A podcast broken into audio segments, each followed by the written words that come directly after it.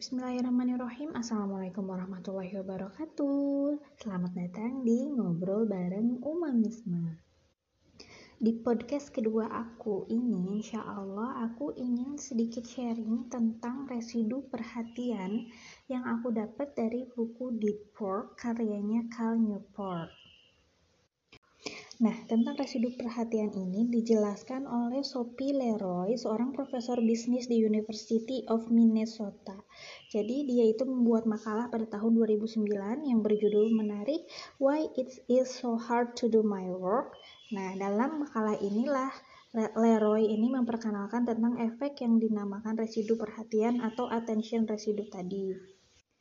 Dalam pengantar makalahnya, Leroy menulis bahwa peneliti lain telah mempelajari efek multitasking. Jadi untuk orang-orang yang punya jabatan tinggi, misalkan e, seorang kepala atau seorang bos gitu ya, biasanya mereka itu melakukan multitasking dalam pekerjaannya.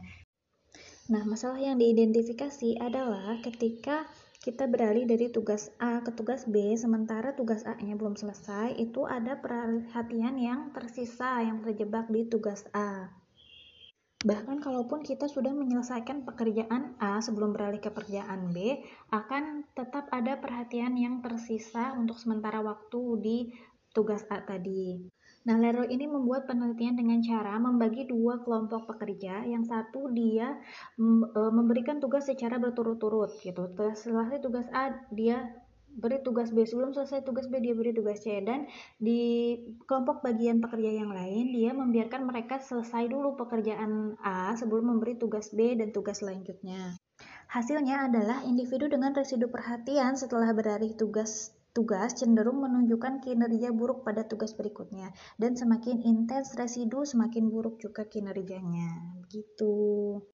Nah, yang aku ambil dari sini untuk orang-orang yang seperti aku kayaknya memang tidak cocok melakukan multitasking dalam menjalankan tugas yang e, termasuk ke dalam deep work. Kita ini kan sekarang nih di Bunda Cekatan ini sedang dituntut untuk melakukan tugas dengan deep work ya menurut aku. Nah, jadi aku tuh nggak bisa melakukan pekerjaan ini sambi-sambi yang lain gitu. Harus menyisikan satu waktu untuk fokus mengerjakan pekerjaan ini hingga selesai.